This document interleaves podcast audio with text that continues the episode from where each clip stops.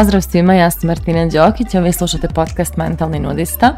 Nalazimo se u epizodi broj 92 i u ovoj epizodi govorit ću malo o lošim navikama koje imamo i o tome kako ih prevazići, odnosno kako neku lošu naviku um, odstraniti, ukinuti, zamijeniti nekom drugom i slično.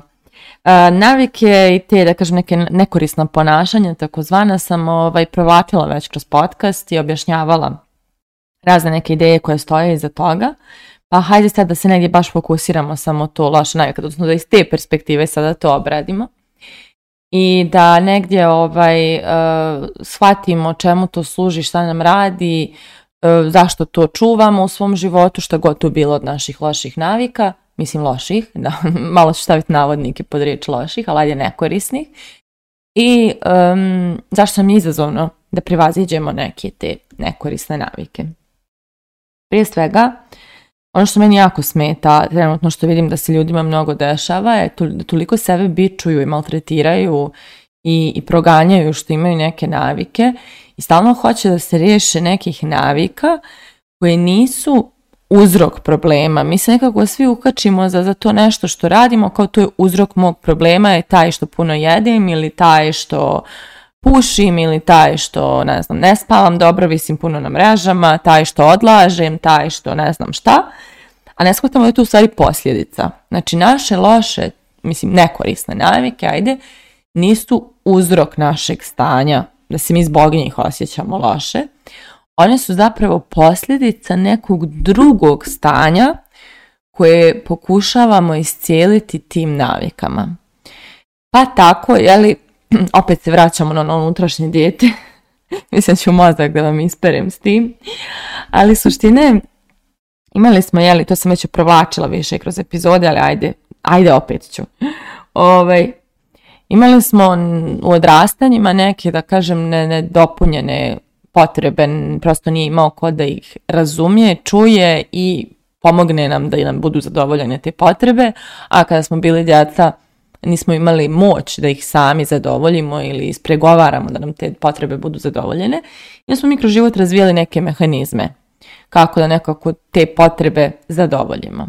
I onda mehanizmi su se i naknadno razvijali za neke stvari kako, pre, kako se nositi s nekim stresovima, nervozama, strahovima, izazovima i sl. I mi smo tako uh, razne, razne neke mehanizme razvijali te za te potrebe, te za smirenje, te za pokušaj da se osjetimo dobro, te za ovo, te za ono. I razvijajući koje kakve mehanizme, razviše se i te neke naše nekoriste navike koje su samo to mehanizmi.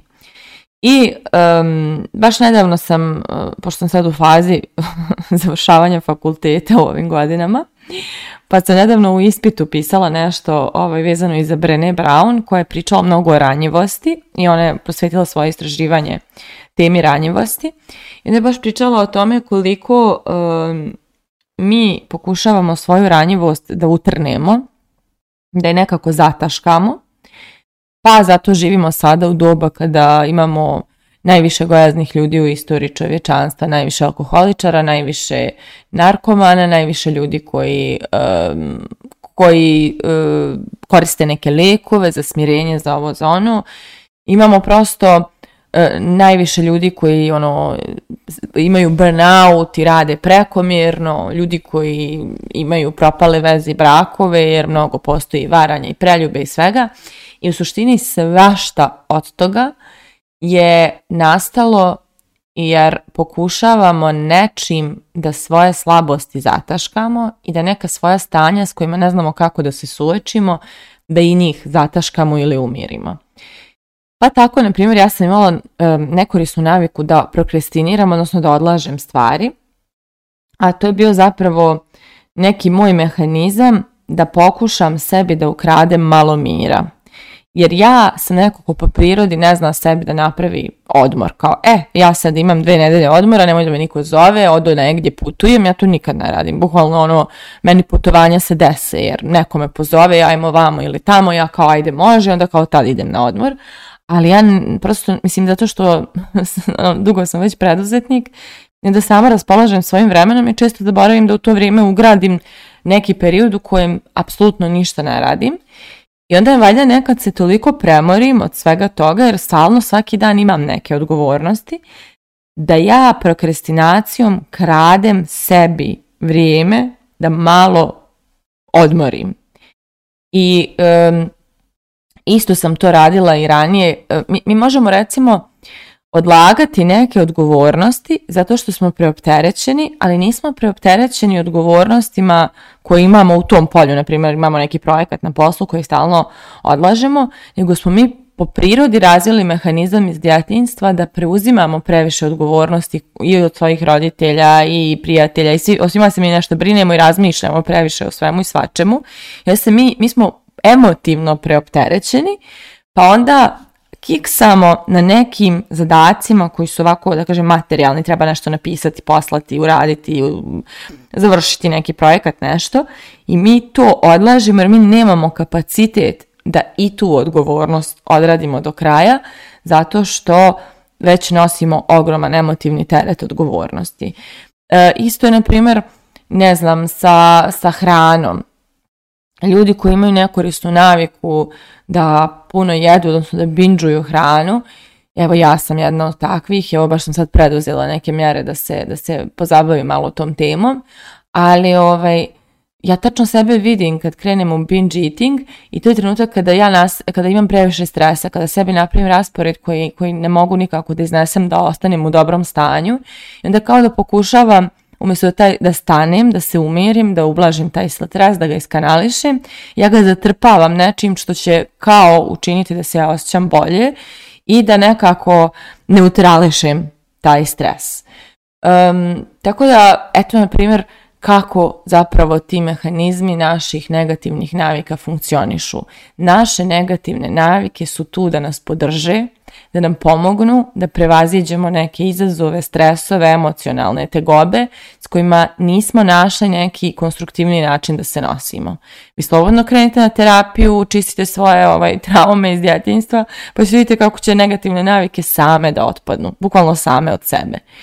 Ali šta ljudi rade? Ljudi se uhvate teme, te negativne navike i oni se onda kao bave time, kao ja, ja stalno odlažem, ja moram da radim na tom svom odlaganju ili ja stalno, ne znam, jedem previše, moram da radim na svom, eh, na, na svojoj dijeti, ali moram da promijenim režim ishrane, da, da se malo dovedem u red, ili ja puno trošim, moram da, naučim financijsku pismenost, a u stvari sve vrijeme se radi o nekim mnogo dubljim temama zbog kojih mi kreiramo te navike, ne bi nekako neutralisali to nešto što nas stvarno suštinski muči.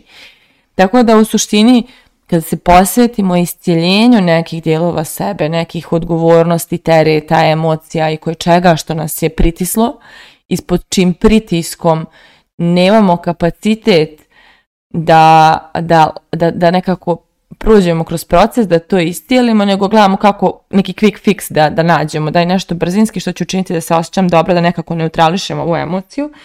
E, mi pod tim pritiskom pohrlimo za nekom navikom na koju nismo baš ponosni. Tako da, ovaj, e, baš onako dosta pratim sada te teme i navika i ponašanja i, i, i fora i fazona kako šta primijeniti, naučiti, uraditi, tri koraka, pet načina i tako dalje. A suština je, svi mi znamo i korake i načine. Znači, evo, ukucajte na YouTube, pogledajte jedan video i značite koji je način da nešto promijenite što vam smeta, ali problem je u emociji koja ne da da se to promijeni. Problem je u emociji koja ne dozvoljava da se ta neka navika, to neko ponašanje otkloni iz našeg sistema, jer nam ono služi. A služi nam zato što nismo našli nešto drugo čime ćemo to riješiti, nego se držimo te navike. Tako da, ukoliko želite da promijenite svoje uh, svoje nekorisne navike, svoje nekorisna ponašanja, treba da se malo dublje ode od te površine jer upamtite, to ponašanje je posljedica, a ne uzrok vašeg lošeg stanja.